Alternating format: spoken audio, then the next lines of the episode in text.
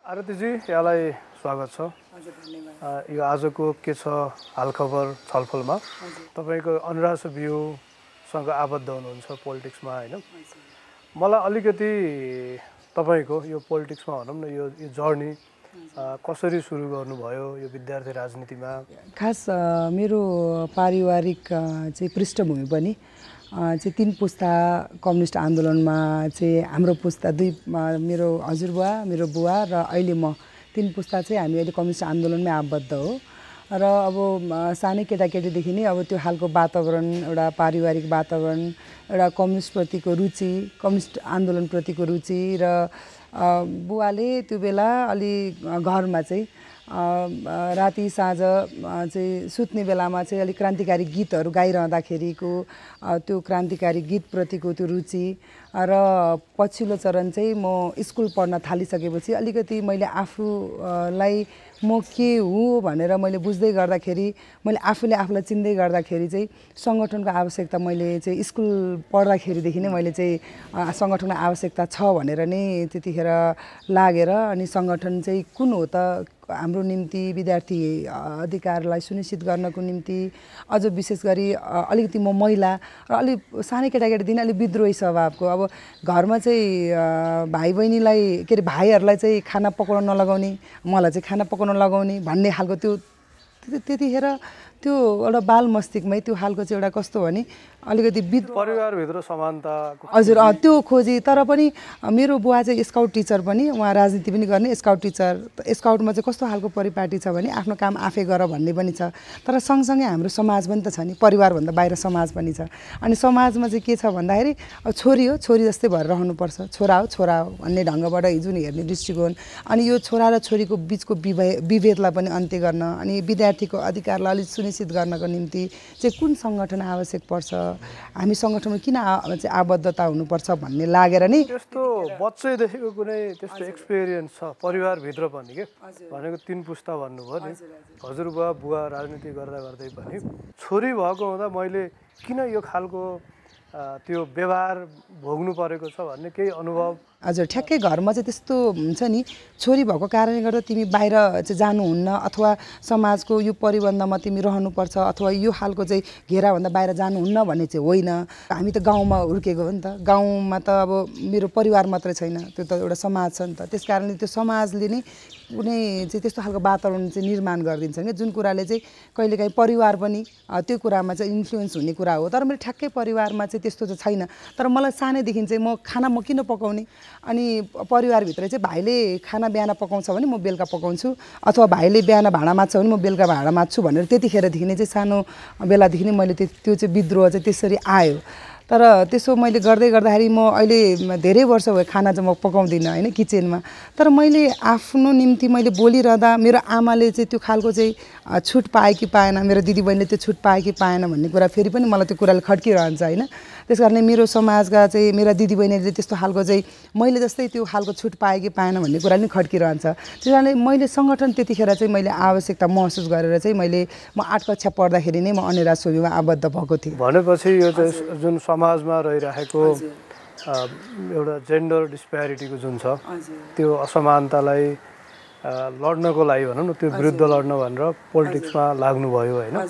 त्यस पछाडि अहिले अब यो आजको दिनमा आइपुग्दाखेरि आफ्नो एउटा यात्रालाई हेऱ्यो भने यसमा राम्रा कुराहरू के के पाउनुभएको छ? ठ्याक्कै व्यक्तिगत ढङ्गले तपाईँ मेरो कुरा गर्नुहुन्छ भने अब कस्तो भने अब एउटा राजनीतिमा अब एउटा आठ कक्षादेखि यो ठाउँसम्म आउँदाखेरि करिब करिब अठार उन्नाइस बिस एक्काइस वर्ष नै भयो विद्यार्थी राजनीति गरेको। सँगसँगै पार्टी राजनीति पनि आबद्ध छु। अहिले चाहिँ अब जस्तै पहिला त्यो मेरो समाजले हेर्ने दृष्टिकोण म प्रति र अहिले मेरो समाजले हेर्ने दृष्टिकोण म प्रतिको चाहिँ निकै धेरै ठुलो भिन्नता पाएको छु। अब पहिला अब छोरी भन्ने ढङ्गले हेर्थ्यो भने अहिले चाहिँ भनेको छोरी चाहिँ यो घेरामा रहनुपर्छ भन्ने ढङ्गले हेर्थ्यो भने अहिले चाहिँ गौरव चाहिँ फिल गराउने कि मेरो गाउँलेलाई चाहिँ म जाँदाखेरि चाहिँ ल यसले यसो गरेछ भनेर म प्रतिको विश्वास म प्रतिको अपेक्षा यसले चाहिँ केही गर्छ कि भन्ने खालको चाहिँ त्यो आशाको त्यो नजर चाहिँ मैले अहिले मेरो गाउँले अथवा मेरो समाजलाई समाजबाट मैले त्यसरी पा प्राप्त गरेको छु। त्यस कारणले भिन्नता त छ। त्यो मेरो समाज मेरो परिवारले म प्रति गर्ने त्यो व्यवहारमा भिन्नता छ। तर समग्रमा समग्रतामा चाहिँ हामी चाहिँ हाम्रो सोसाइटी चाहिँ कसरी चाहिँ चेन्ज भयो होला? अब अहिले मुलुकमा चाहिँ एउटा हामीले चाहिँ हाम्रै चाहिँ जनताको जनताले चाहिँ आफ्नो रगत र पैसासँग साटेर ल्याएको संविधान। त्यो संविधानमा महिलाको सहभागिताको सन्दर्भमा तपाईँ हेर्नुहुन्छ भने साउथ एसियामै चाहिँ प्रग निकै प्रगतिशील छ हाम्रो संविधान। यसमा महिलाको सहभागिताको तेत्तिस प्रतिशतको सुनिश्चित गरेका छ। सँगसँगै आएर तपाईँ हेर्नुहुन्छ भने अहिलेको पछिल्लो चरणको स्थानीय निर्वाचनमा हामी करिब करिब चालिस प्रतिशतमा छौँ। होइन यो कुरा चाहिँ एउटा पोलिटिकल्ली तपाईँ राजनीतिक हिसाबले हेर्नुहुन्छ भने यो निकै प्रगतिशील छ। तर पनि अझै पनि हामी हेर्छौँ भने हाम्रो मुलुकको राष्ट्रपति चाहिँ दुई दुईचोटि चाहिँ एउटा महिला राष्ट्रपति प्राप्त गर्दै गर्दा पनि हामीले गर्व गर्ने ठाउँ हुँदा हुँदै पनि हामी निकै दुखी हामी निकै निराश र कहिलेकाहीँ चाहिँ हामी छोरी भएर किन जन्म्यौँ भन्ने खालको प्रश्न चिन्ह आफैले आफूलाई पनि गर्ने ठाउँमा पनि त हामी छौँ। तपाईँ हेर्नुहुन्छ कस्तो बेलामा? होइन तपाईँले सायद इक्जाम्पल दिन लाउनु भएको थियो होला होइन? मैले त्यसमै थपिहालेँ क्वेसन चाहिँ। त्यो तपाईँ अब भनौँ न सोसाइटीले एउटा आश गरेर पनि हेरेको छ ठुलो जिम्मेवारी पनि छ। होइन? र यो पोलिटिक्स गर्न कति सजिलो अप्ठ्यारो छ भन्ने कुरा म पछि आउँछु होइन। तर त्योभन्दा अगाडि तपाईँलाई कति बेला चाहिँ अलिकति यो निराश त्यो हतोत्साह भनौँ कस्तो खालको समाजका घटनाहरूले अथवा त्यो कस्ता कुराले त्यो त्यो निराशता बढाउने काम गर्छ? त्यही त मैले भन्दै थिएँ। थपे त्यो हामीले गर्व गर्ने एउटा ठाउँ होला होइन। राजनीतिक हिसाबले हाम्रो सहभागिताको बढ्दैछ। यो एकदम आशाजनक भनेर म भन्दिनँ। अझै पनि लडाइँ लड्नु छ। तर पनि एउटा चाहिँ मैले अघि पनि भने हामी यो साउथ एसियाको पोलिटिक्समा हेर्दाखेरि हामी प्रगतिशील नै छौँ। तर त्यसो भन्दै गर्दाखेरि अहिलेसम्म निर्मला पन्तले न्याय नपाउँदाको कुरा अहिलेसम्म तपाईँको चाहिँ सात वर्षीय नानीहरू बलात्कृत भएको अवस्था सात वर्षीय होइन वृद्ध आमा पचासी वर्षको वृद्ध आमा बलात्कृत भएको यो सोसाइटी यो समाज यो मात्रै होइन। तपाईँ सुदूरपश्चिममा जानुहुन्छ भने अझै पनि छाउपट्टि प्रथा। तपाईँ मेरै प्रदेशको कुरा गर्नुहुन्छ मधेसमा जानुहुन्छ भने अझै पनि दाइजो नल्याएको नाममा जिउँदै जलिनुपर्ने त्यो अवस्था। त्यसरी तपाईँ आउनुहुन्छ भने अझै पनि घुम्टो भित्र चाहिँ महिलाहरूको चाहिँ जुन जीवन जिउनु पर्ने दिनानुदिन त्यो दिन दिनचर्या चाहिँ उहाँहरूले भोग्नु पर्ने त्यो खालको अवस्था हेर्दाखेरि चाहिँ अझै पनि हामीले लडाइँ चाहिँ धेरै लड्नु छ। बाल विभाग हजुर बाल विवाहका कुराहरू। म त अझ त्यो प्रदेशमा प्रदेशलाई प्रतिनिधित्व गर्ने म मधेसलाई प्रतिनिधित्व गर्ने मान्छे भएको कारणले गर्दा मैले यस्ता कुराहरू चाहिँ चाहिँ मैले अलिक नजिकबाट निहाल्दाखेरि चाहिँ यो एकदम पीडादायी कुरा पनि छ यो पीडाबोध हुने कुरा पनि छ। प्रदेश दुईमा त झन्डै आजको दिनमा पनि त्यो फिफ्टी पर्सेन्टभन्दा बढी बालबालिकाहरूको सत्र वर्षभन्दा अगाडि बिहा भइसक्यो हुँदो रहेछ। उनीहरू अठार वर्षमा त बच्चा नै पाइसकेको हुन्छ होइन? तपाईँ कर्णालीतिर जानुहुन्छ भने त्यही छ। अनि कर्णाली पनि लगभग त्यही रेसियोमा छ होइन? अब स्कुलबाट ड्रप आउट हुने सिचुएसन हेऱ्यो भने पनि त्यस्तै खालको अवस्था देखिन्छ होइन? र अब यस्तो अब हाम्रोमा त समस्याको कमी त छैन। यता यता समस्याका चाङ कि चाङ छन् होइन? एउटा राष्ट्रिय हिसाबमा हेऱ्यो भने भ्रष्टाचारको कुराहरू त्यस्तै छ। यो जुन सिचुएसनमा के राजनीति गर्नलाई एज अ युवाको रूपमा चाहिँ कतिको सजिलो अप्ठ्यारो कस्तो छ यो? अब ठ्याक्कै अब हाम्रो चाहिँ नेपाली सोसाइटीको कुरा गर्नुहुन्छ भने अझ नेपाली राजनीतिको सन्दर्भमा कुरा गर्नुहुन्छ भने युवाहरूलाई चाहिँ निकै चुनौती पनि छ। अनि सँगसँगै त्यो अवसर पनि छ भन्ने लाग्छ मलाई होइन? अब त्यहाँ अवसरै छैन भन्ने कुरा पनि होइन। त्यो अवसरलाई कसरी तपाईँले ट्याकल गर्नुहुन्छ कसरी ग्राप गर्नुहुन्छ भन्ने कुरा पनि हो। तर मूलत चुनौती नै छ। अब हाम्रो किनभने अब हिजो अब हाम्रै उमेर समूहका हाम्रा नेताहरूले गरेका आन्दोलन व्यवस्था परिवर्तनका आन्दोलनहरू हामीले देख्यौँ। आज हामी यो ठाउँमा छौँ होइन? हिजो हाम्रै अहिले हामीले जसलाई नेता मानिरहेछौँ उहाँहरूले चाहिँ जुन उमेर समूहमा उहाँ उहाँहरू तिस वर्षको उमेर समूहमा हुनुहुन्थ्यो पैँतिस म्याक्सिमम् पैँतिस वर्षको उमेर समूहमा हुनुहुन्थ्यो उहाँहरूले ठुला ठुला आन्दोलनहरू नेतृत्व गर्नुभयो। सँगसँगै यो ठुलो पार्टी निर्माण गर्ने त्यत्तिकै योगदान पनि रह्यो होइन? सँगसँगै त्यो बेला त्यतिखेर सरकार पनि उहाँहरूले चाहिँ चाहिँ सम्हालेर आउनुभएको त्यो इतिहास पनि छ। तर अहिले हामी चाहिँ कुन ठाउँमा छौँ त भन्दा यसो फर्केर अहिले हेर्दाखेरि चाहिँ उहाँहरूको इतिहास र हाम्रो वर्तमानलाई फर्केर हेर्दा त निकै ठुलो चाहिँ भिन्न चाहिँ ऊ पाउँछौँ हामीले चाहिँ उहाँहरूको त्यतिखेरको उमेर समूहमा त हामी पनि अहिले त्यही उमेर समूहमा छौँ नि त। तर विडम्बना चाहिँ हामी अझै पनि विद्यार्थी राजनीतिमा छौँ। हामीले चाहिँ पार्टी राजनीतिमा हाम्रो चाहिँ अझै पनि एउटा हस्तक्षेपकारी खालको ढङ्गको भूमिका त अझै पनि रहेन। होइन हामीले त अझ सरकारको नेतृत्व गर्ने कुरा त अहिलेको सन्दर्भमा ठ्याक्कै त्यो पनि हामीले प्राप्त गर्ने अवस्था छैन। भनेपछि युवाहरूको चाहिँ अब अब के भन्ने होला अब यो हाम्रो हिजो हाम्रो अहिलेको नेतृत्व जसलाई हामी चाहिँ अहिले हामीले नेता मानिरहेछौँ उहाँहरूले चाहिँ हिजो हामीले त्यही उमेरमा यसो गऱ्यो र आजको युवाहरूलाई चाहिँ त्यो अवसर प्रदान गर्ने अथवा त्यो खालको वातावरण निर्माण गर्ने र त्यो त्यो विश्वास हामीले गर्नुपर्छ भन्ने खालको विश्वासमा कमी पनि हो उहाँहरूको सँगसँगै। हाम्रो पनि कमजोरी हो। हामीले पनि त्यो हस्तक्षेप गर्ने गरी हाम्रो पनि त्यो भूमिका नरहेको हो भन्ने चाहिँ लाग्छ मलाई। किनभने एकदम इम्पोर्टेन्ट कुरा ल्याउनु भयो कि किन तपाईँ अब अहिले विद्यार्थी राजनीतिमा हुनुहुन्छ? सायद चौथो पुस्ता होला है। होइन? त्यो पार्टीको चौथो पाँचौँतिर अथवा त्यो त्यसको अर्डरै के हो भन्ने थाहा छैन है। अब यो अब विद्यार्थीहरू त तपाईँले भने जस्तो पहिलाको जेनेरेसनभन्दा धेरै साधन स्रोत सम्पन्न पनि छ नलेजको पनि एक्सेस छ सुविधा पनि बढिरहेको छ होइन? यो अवस्थामा किन यो विद्यार्थी राजनीतिले त्यो विचार निर्माणमा इभन आफूभन्दा अघिल्लो नेतृत्वलाई प्रश्न गर्नलाई उनीहरूलाई जिम्मेवार बनाउनलाई त्यो सक्षम बन्न सकेन जस्तो लाग्छ? अहिलेको चाहिँ हाम्रो निकै गम्भीर सङ्कट हो जस्तो लाग्छ क्या। यो कस्तो भने चाहिँ हिजो हाम्रो अखिलको चाहिँ विद्यार्थी राजनीतिको इतिहासलाई हे हेर्नुहुन्छ भने अब त्यहाँबाट उत्पादन भएका अहिले हाम्रो नेताहरू चाहिँ जहाँ हुनुहुन्छ त्यो त यो चाहिँ उसले भने विद्यार्थी राजनीति निर्माण गरेको बा विद्यार्थी राजनीति उत्पादन गरेका हाम्रा नेताहरू जो हुनुहुन्छ एकदमै चाहिँ अहिले दोस्रो पुस्ताको रूपमा देखिन्छ नि त। होइन अब हामी हाम्रै ठ्याक्कै सन्दर्भमा कुरा गर्दा त्यो हिजो उहाँहरूले चाहिँ नेतृत्व गरेको त्यो सङ्गठन अझ निकै गर्विलो थियो त्यसको इतिहास होइन? हिजोको त्यो आन्दोलनको सन्दर्भमा तपाईँ कुरा गर्नुहुन्छ भने हिजो त्यहाँबाट चाहिँ त्यो जुन ढङ्गले वैचारिक ढङ्गले निकै खारेर आउने नेतृत्वको सन्दर्भमा कुरा गर्नु भने त्यो निकै उदाहरणीय थियो। तर हामी पछिल्लो चरण तपाईँ चाहिँ हामी पछिल्लो चरण आउँदै गर्दाखेरिको सन्दर्भमा अहिलेसम्म ठ्याक्कै आउँदै गर्दाखेरि हाम्रो पुस्ता अथवा अहिले हामीले चाहिँ नेतृत्व गरिरहेको सङ्गठनलाई तपाईँ हेर्नुहुन्छ भने हिजोको इतिहासलाई नै हामीले भजाएर त्यो इतिहासलाई नै अझै हामीले चाहिँ अगाडि देखा खाएर चाहिँ हामी राजनीति गरिरहेछौँ भन्ने चाहिँ मलाई लाग्छ कि अनेस्ट कुरा पनि गरौँ भन्ने लागेर म म भन्दैछु। हामी हिजो त्यो इतिहासलाई नै अहिलेसम्म चाहिँ हामी चाहिँ बाहिर यसो देखाएर चाहिँ हामी राजनीति गरिरहेछौँ। हामीले अहिले वर्तमान के गर्यो त? होइन? जस्तै अहिले यो ठाउँसम्म अहिले जुन खालको चाहिँ पोलिटिकल चाहिँ सिनेरियो छ जुन खालको राजनीतिक अहिलेको चाहिँ अवस्था जुन सृजना भएको छ यसमा हाम्रो पनि कति योगदान रह्यो त भन्ने कुरालाई चाहिँ यसो हेर्दाखेरि चाहिँ हामी वास्तवमा अहिले पछिल्लो चरण हामी चाहिँ यो अनेरा सोभ्यूको चरित्र नै अनि सोबीको चरित्र सदैव चाहिँ चाहिँ सरकारको प्रतिपक्षमा रहने सदैव प्रश्न गर्ने सदैव दबाब दिने सदैव जागरण पैदा गर्ने सङ्गठन हो भनेर चिन्छ। आन्दोलनको सडक भाग भनेर चिन्छ अनेरा सोबीलाई तर हामी पछिल्लो चरण कहाँ गएर अल्मल्यौँ भन्दा हामी नेताहरूको पछाडि मात्रै अथवा नेताहरूलाई प्रश्न गर्ने हो नि कि नेताको चाहिँ एसम्यान बन्ने भन्ने ठाउँमा मात्रै हामी पुग्यौँ। त्यसमा म पनि होला। म पनि त्यसको भागी भागीदार मैले पनि त्यो कुरालाई आत्मआलोचित हुनुपर्छ। तर म अझै के भन्न रुचाउँछु भने हामी युवा अझ विशेष गरी विद्यार्थी हामी आत्म एउटा चाहिँ तपाईँको चाहिँ आलोचना चेत भएको युवा विद्यार्थी हुनुपर्छ। त्यो खालको चाहिँ हाम्रो चाहिँ चरित्र हुनुपर्छ। हामी सदैव प्रश्न गर्नुपर्छ। हामीले मानेका चाहिँ नेतालाई पनि यदि गलत गर्छ भने उनलाई चाहिँ तपाईँको चाहिँ हामीले प्रश्न गर्न सक्नुपर्छ। हामीले चाहिँ आलोचना गर्न सक्नुपर्छ भन्ने कुरामा म विश्वास गर्छु। तर समग्र हाम्रो ट्रेन के हो त? समग्र हामी सङ्गठन कहाँ छौँ भन्दा यसो तपाईँ फर्के अहिले हेर्नुहुन्छ भने चाहिँ हामी चाहिँ के हो भने कस्तो मान्छेहरू हामी तयार गर्दैछौँ भन्दा हामी एसम्यान तयार गर्दैछौँ। अझ नमिठो भाषामा भन्नुपर्दा अब हामी अलि अलि हनुमान भनेर अहिले भन्ने चलन छ एकदम सामाजिक सञ्जालहरूमा। एकअर्कालाई त्यही भनेर चाहिँ आरोप प्रत्यारोप पनि गर्छ। हामी त्यो ठाउँमा पुग्यौँ कि। हामी चाहिँ नेताको वरिपरि रहने गणेश प्रवृत्ति र तपाईँको प्रश्न नगर्ने एसम्यानको रूपमा मात्रै हामी चाहिँ अहिले पछिल्लो चरण विद्यार्थी सङ्गठनका क्याडरहरू त्यसरी आए र उसले आफ्नो मूल चरित्र भुले।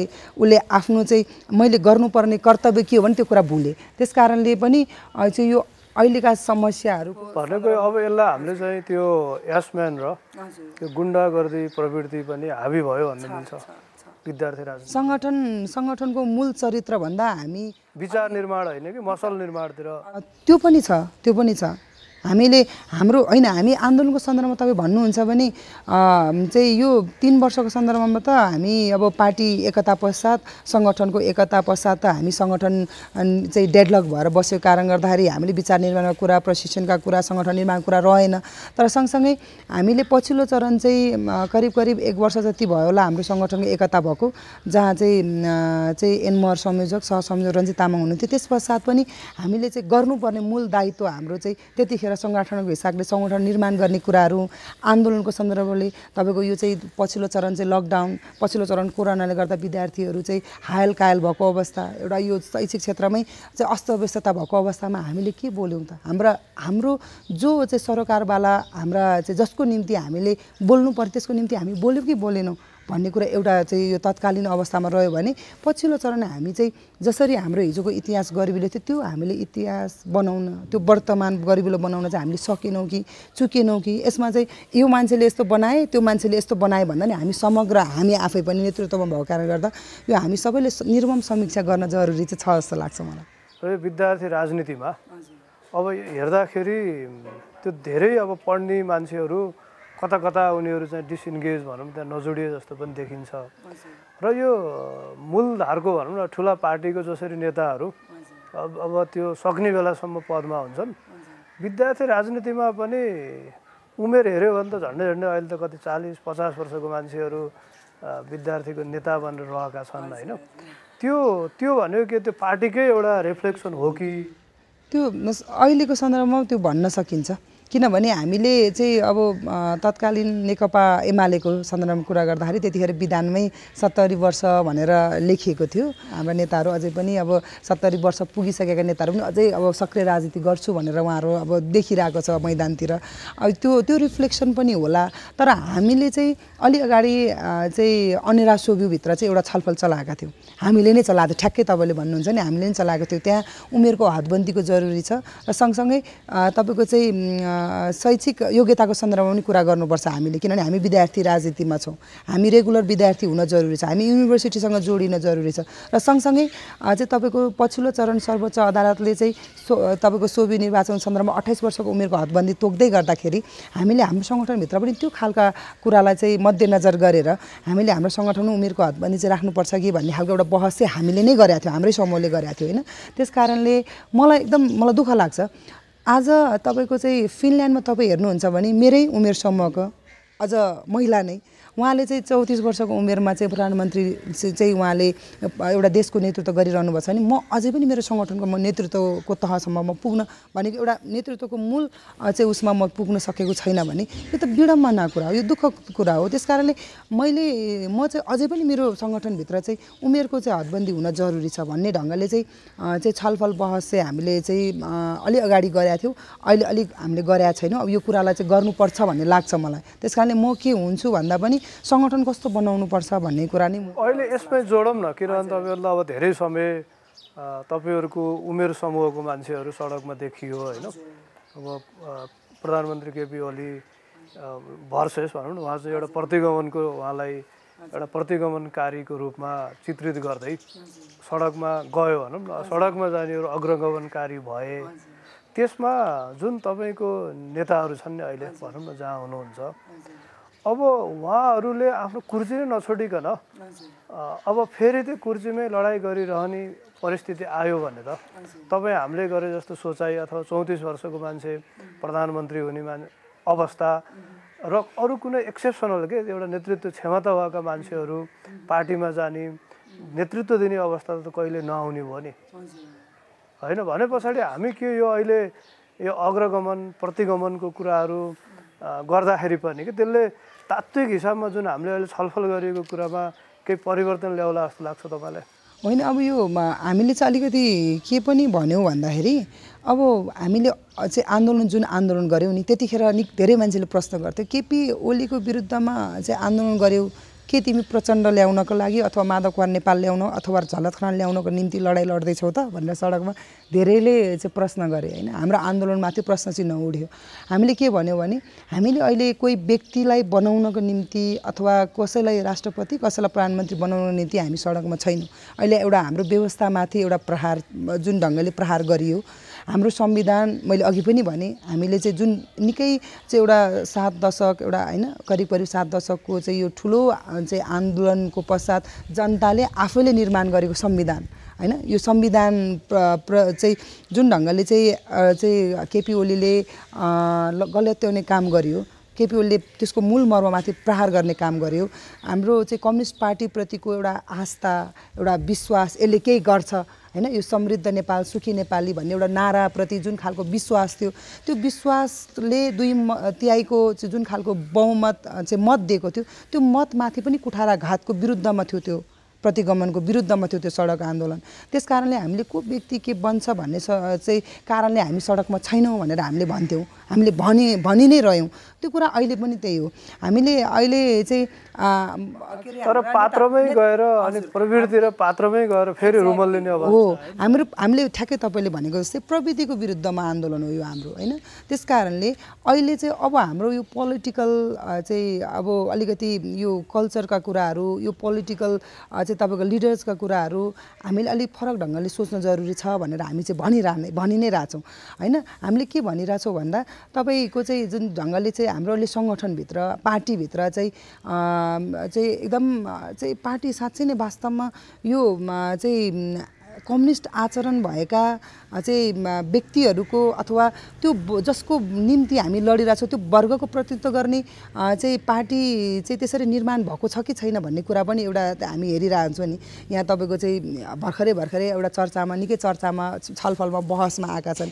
होइन विनोद चौधरी जस्ता गोल्छा जस्ता त्यसपछि आएर अहिले चाहिँ पछिल्लो चरण चाहिँ अब बहसमा आएका कोमल अली जस्ता मान्छेलाई निर्माण गर्ने पार्टी चाहिँ बनाउने हो कि। हामीले वास्तवमै हिजो चाहिँ त्यो यो पार्टीलाई यो कम्युनिस्ट आन्दोलनलाई जोगाउनको निम्ति त्यो वर्गलाई प्रतिनिधित्व गर्ने खालको चाहिँ त्यो भुइँ मान्छेको चाहिँ चाहिँ पार्टी बनाउने भन्दाखेरि हामी यसो हेर्छौँ भने अहिले पार्टी वास्तवमा हामी चाहिँ जसको नि जसको निम्ति चाहिँ यो पार्टी निर्माण भएको छ कम्युनिस्ट आन्दोलनले जसको निम्ति चाहिँ यो समग्र चाहिँ यो आन्दोलन गरिरहेछ त्यो मान्छेभन्दा चाहिँ पार्टी अलिक फरक फरक अलिक टाढा टाढा हुँदैछ कि भन्ने खालको कुराहरू पनि छ। त्यस कारणले मैले जोड्न खोजेको कुरा के हो भने अब पोलिटिकल पार्टी पनि हाम्रो कम्युनिस्ट आन्दोलन कम्युनिस्ट आन्दोलनलाई चाहिँ अझ अगाडि बढाउनको निमित्त कम्युनिस्ट आन्दोलनलाई अझ मजबुत बनाउन कम्युनिस्ट पार्टीलाई मजबुत बनाउनको निम्ति चाहिँ अब हामीले हाम्रै भित्र पनि एउटा शुद्धि शुद्धिकरणको चाहिँ होइन? शुद्धिकरणको कुरा सुदृढीकरणको कुराहरू अब चाहिँ नेतृत्व कसले गर्ने भन्ने कुरा चाहिँ एकदमै समीक्षा जरुरी छ घनीभूत समीक्षाको के अरे तपाईँको चाहिँ छलफलको जरुरी छ भन्ने कुरा नै चाहिँ म गर्न चाहन्छु। तपाईँले विनोद चौधरीको कुरा नै उठाउनु भयो होइन? मैले पछिल्लो समयमा पार्टीहरूलाई हेर्छु कि। अब नेपाली कङ्ग्रेसको चिफ भनौँ न अब अहिले शेरबहादुर हुनुभयो। यता नेकपातिर अब द्वन्द्व भए पनि त्यहाँ चार पाँचजना त्यसको प्रमुखहरू हुनुहुन्छ र उहाँहरू तिसौँ वर्षदेखि हुनुहुन्छ होइन? अब राप्रपातिर हेऱ्यो भने पनि त्यही छ। अरू पार्टीहरूमा पनि त्यही नै हो होइन? भने पछाडि पोलिटिकल पार्टीको जुन फङ्सनिङ छ नि नेतृत्व निर्माणको प्रक्रिया र जो नेतृत्वमा छ तिनीहरूको व्यवहार सोचाइ र चौधरी ग्रुप अथवा गोल्सा ग्रुप होइन खेतान ग्रुपमा फरक के देखिन्छ र अहिले? त्यहाँ त बरु परिवारको व्यापार हो। त्यहाँको मान्छे हुन्छ त्यो भएपछि अर्कोलाई ह्यान्डओभर गर्छ। बरु उनीहरूले छिटो गर्ने भयो क्या जिम्मेवार चाहिँ। तर हाम्रोमा त मर्ने बेलासम्म नछोड्ने प्रवृत्ति भयो भनेपछि अब यो परिस्थितिमा विद्यार्थी राजनीतिले विचार निर्माण नगर्ने ठुला भनेका पार्टीले नेतृत्वमा चाहिँ छोड्दै नछोड्ने भइसके पछाडि अब हामीले त्यो परिवर्तनको सुरुवात कहाँबाट कसरी गर्न सकिन्छ जस्तो लाग्छ?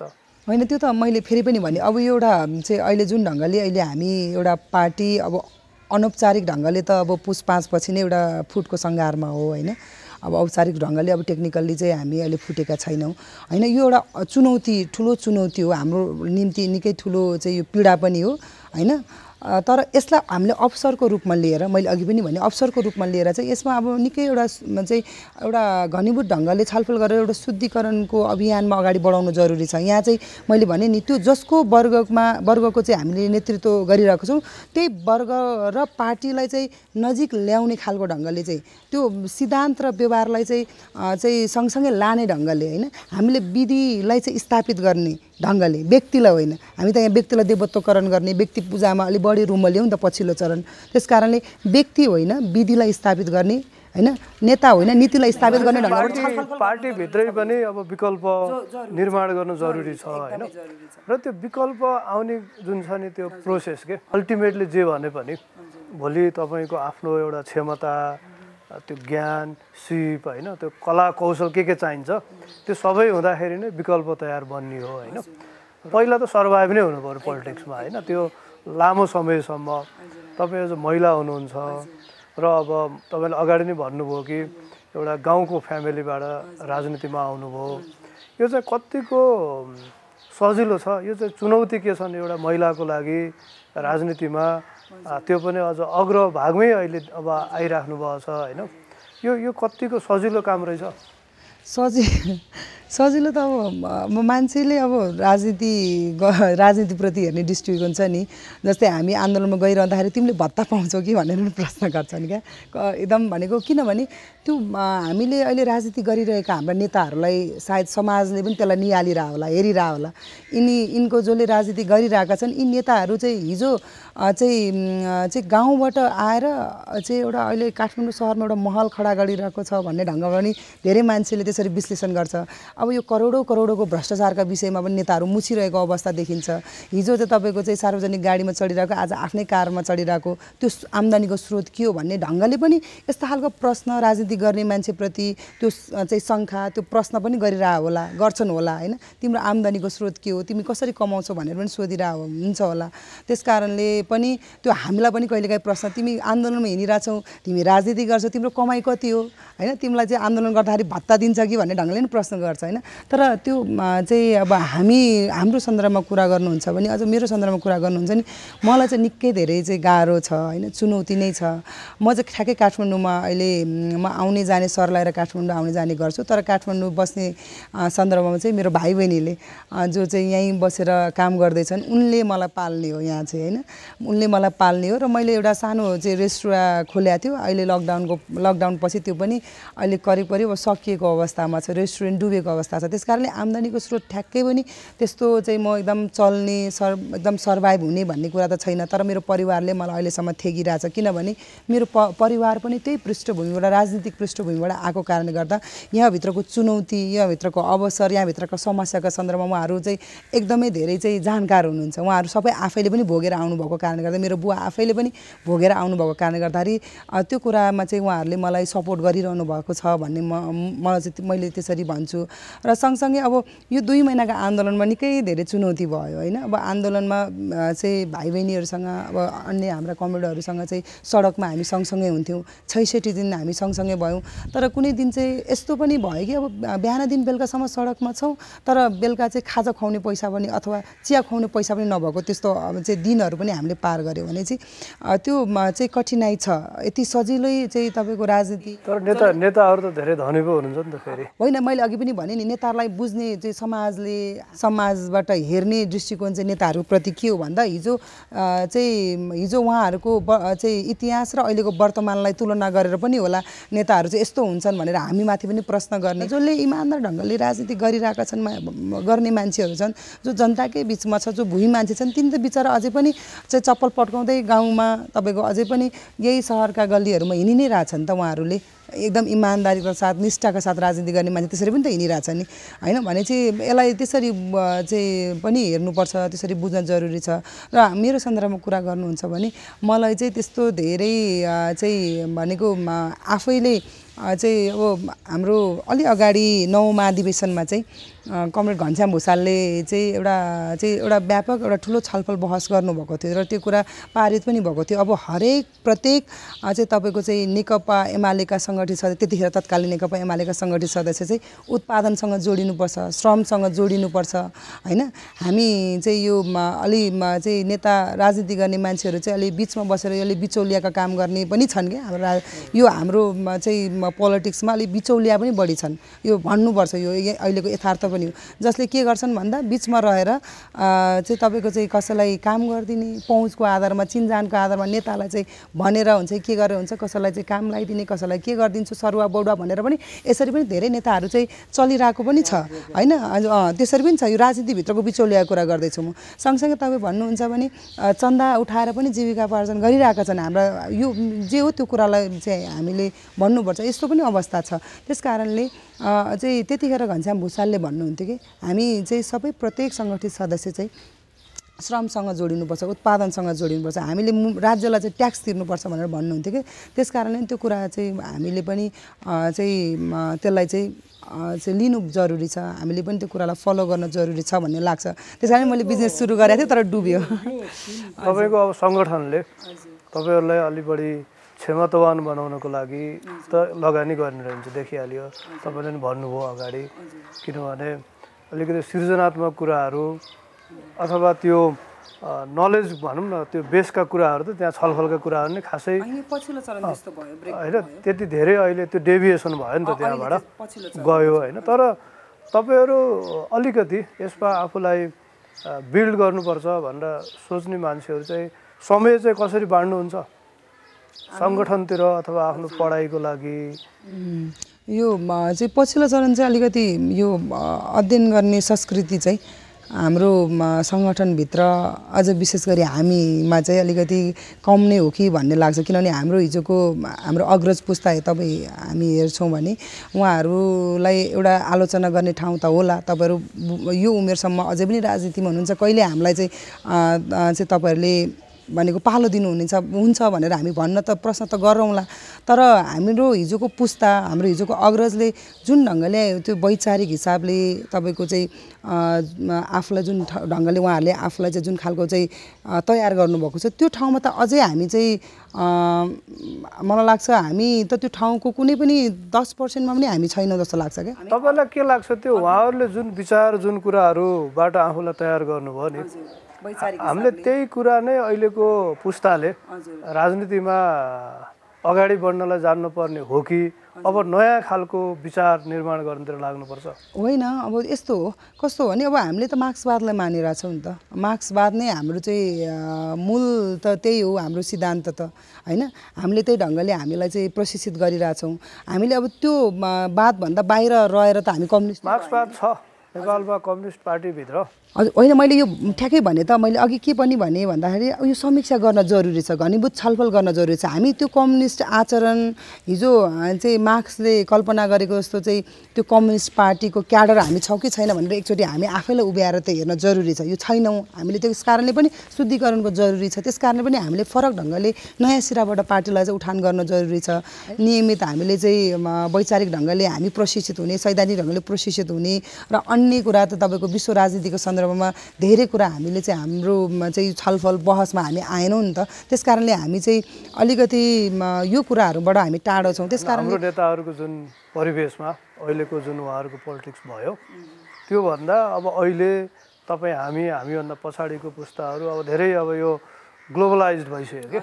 अब यो डिजिटल टेक्नोलोजी इन्टरनेट होइन धेरै कुराहरूले हामीलाई यो बोर्डर पनि इरेलिभेन्ट जस्तो असान्दर्भिकै जस्तो देखिन्छ।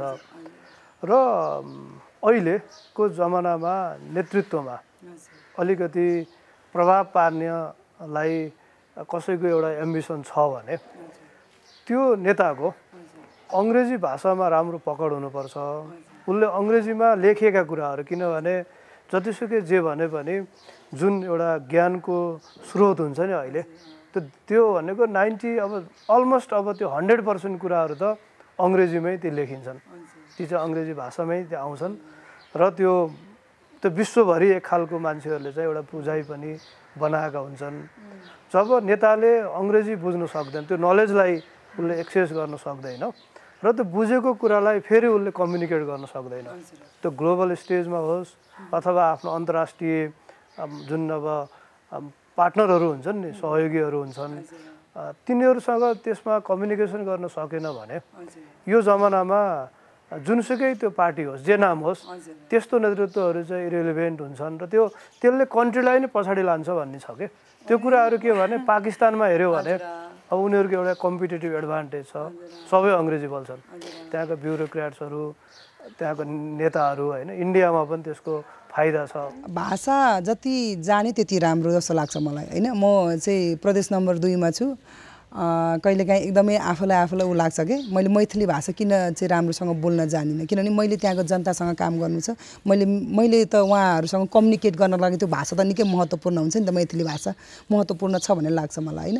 त्यस कारणले भाषा महत्त्वपूर्ण कुरा हो कम्युनिकेट गर्ने कुरामा। तर तपाईँले भनेको जस्तो ठ्याक्कै अब यो चाहिँ भाषाकै कारणले देश पछाडि पर्ने अथवा चाहिँ कतिपय कुरामा चाहिँ हामी पछाडि पर्छौँ कि भन्ने कुरामा चाहिँ मेरो त्यसमा चाहिँ मेरो फरकमा छ। किनभने म अलि अगाडि चाहिँ युथ फेस्टिभलमा चाहिँ म रसिया पुगेको थिएँ। राष्ट्रपति भ्लादिमिर पुटिन उहाँ आउनुभयो। उहाँले धेरै होइन तिन मिनट मात्रै सम्बोधन गर्नुभयो तर आफ्नै भाषामा सम्बोधन गर्नुभयो। उहाँले विश्वभरिका तिस हजार युवालाई सम्बोधन गर्दा उहाँले आफ्नै भाषामा रसियन भाषामा उहाँले बोल्नुभयो। अब अलि अगाडि कुरा तपाईँ गर्नुहुन्छ नेपालमै चाहिँ चाइनाको चाहिँ राष्ट्रपति आउनुभयो होइन? उहाँले पनि के बोल्नुभयो भने त आफ्नै भाषा बोल्नुभयो जस्तो लाग्छ मलाई। म गलत छुइनँ भने। भनेपछि भाषाको कारणले देश पछाडि पर्ने होइन। तर एउटा कम्युनिकेसनको निम्ति अलिक सहज कुरा सहज ढङ्गले तपाईँ र मेरो चाहिँ भा भावनालाई चाहिँ आदान प्रदान गर्ने हाम्रा कुराहरूलाई आदान प्रदान गर्नको लागि चाहिँ भाषा महत्त्वपूर्ण छ। त्यस कारणले मैले मैथिली पनि सिक्नुपर्छ मैले इङ्ग्लिस पनि अङ्ग्रेजी पनि सिक्नुपर्छ भन्ने मलाई लाग्छ त्यो म म त्यो चाहिँ सिक्नुपर्छ भाषा जति जान जान्ने जाने त्यति राम्रो हो भन्ने कुरामा चाहिँ म त्यो कुरामा चाहिँ चाहिँ कन्भिन्स छु। तर भाषाकै कारणले देश पछाडि पर्छ भन्ने कुरामा चाहिँ म सहमत छुइनँ। हाम्रो अब युवा पुस्ताको नेतृत्व जुन प्रक्रिया हुन्छ नि आउने नेता बन्ने प्रक्रियाकै बारेमा पनि। अलिकति कुरा गरौँ तपाईँको अहिले सोचाइ के छ? हामी चाहिँ जुन अब धेरै युवाहरू त्यसमा पनि अझ सक्षम राम्रो युवाहरूलाई राजनीतितिर आकर्षित के भयो भने गर्न सकिन्छ जस्तो लाग्छ? पोलिटिक्स एउटा समग्र राजनीतिप्रति नेपाली जनताको चाहिँ एकदम वितृष्णा छ होइन? अब यो चाहिँ यो सम्भवतः हिजो जुन ढङ्गले विश्वास गरिएको थियो त्यो विश्वासमा हामी नेताहरू अझ विशेष गरी कम्युनिस्ट पार्टी चाहिँ नउत्रिन सक्नुको कारण पनि होला। अब एउटा चाहिँ पाँच वर्ष स्थिर सरकार चाहिँ भयो भने हामी चाहिँ देशलाई समृद्धितिर लान्छु होइन? सुखी नेपाली चाहिँ तपाईँहरूको अनुहारमा मुहारमा चाहिँ हामी चाहिँ खुसी हेर्न चाहन्छु भन्ने जुन नारा थियो त्यो नारा अनुरूप हामीले काम गर्नु नसक्नु कारणले गर्दा पनि चाहिँ जनताहरू चाहिँ राजनीतिप्रति नै चाहिँ एउटा खालको वृत्तिस्ना चाहिँ उहाँहरूको छ। तर सँगसँगै अझ युवाहरूको बढी छ। मलाई लाग्छ अझ युवाहरूको बढी छ।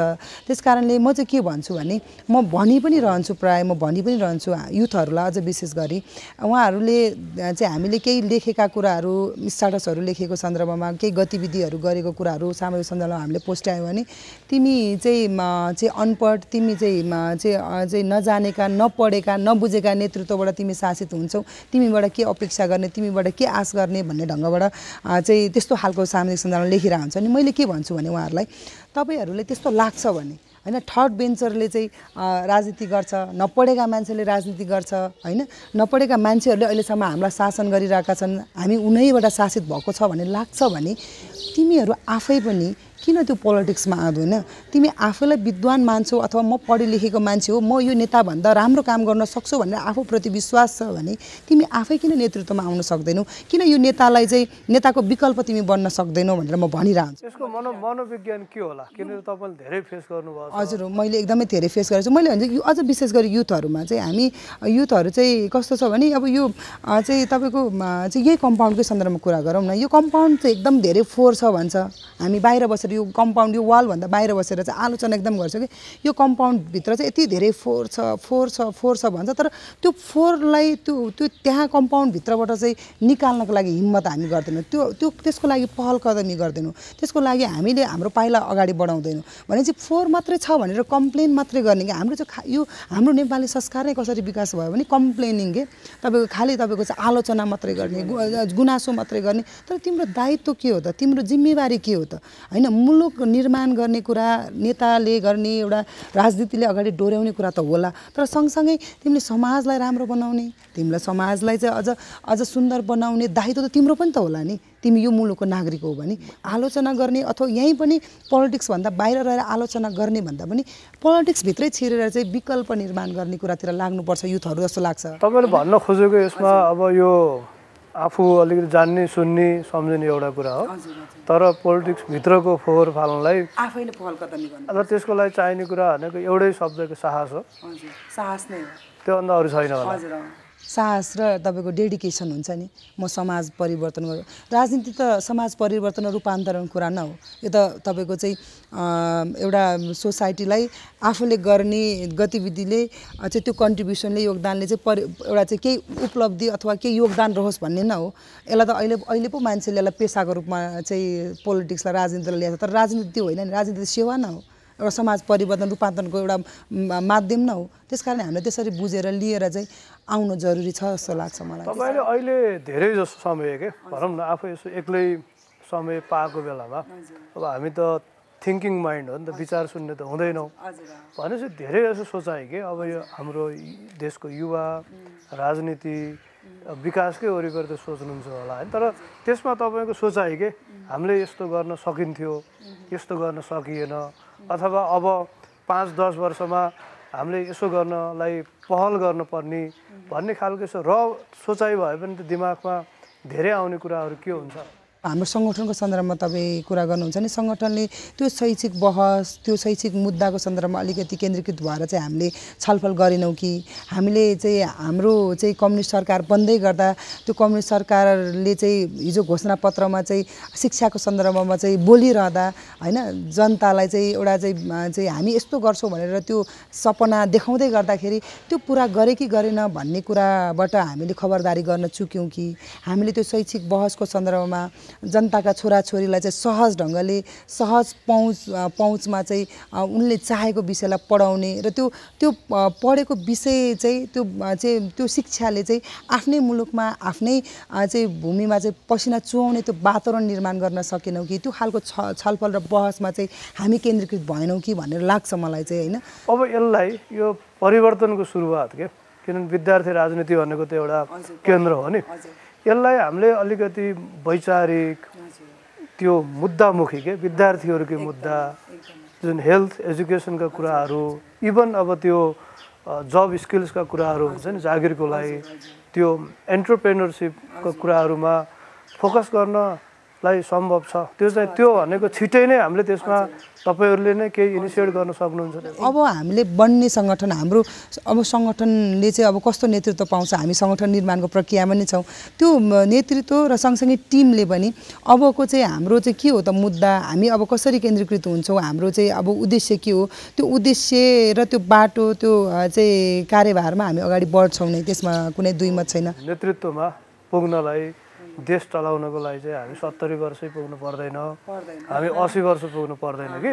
अब हामी पनि अब सक्षम छौँ भनेर हस्तक्षेपकारी भूमिका पार्टीभित्रै त्यो विद्रोही आवाजहरू उठाउन सक्ने वातावरण बनेको छ कि छैन? अथवा त्यो गर्ने बेला भइसकेको छैन अब? होइन बेला चाहिँ भइसक्यो। मैले अघि पनि भने हाम्रो हिजो हाम्रा नेताहरू हामीले मानेका नेताहरूले यही उमेर हाम्रो उमेरसम्ममा उहाँले देशको नेतृत्व होइन एउटा पार्टीको नेतृत्व गरेर आउनुभएको हो। त्यस कारणले हामी बेला भएको छैन हामी ढिलो भइसक्यो। बेला भएको होइन कि?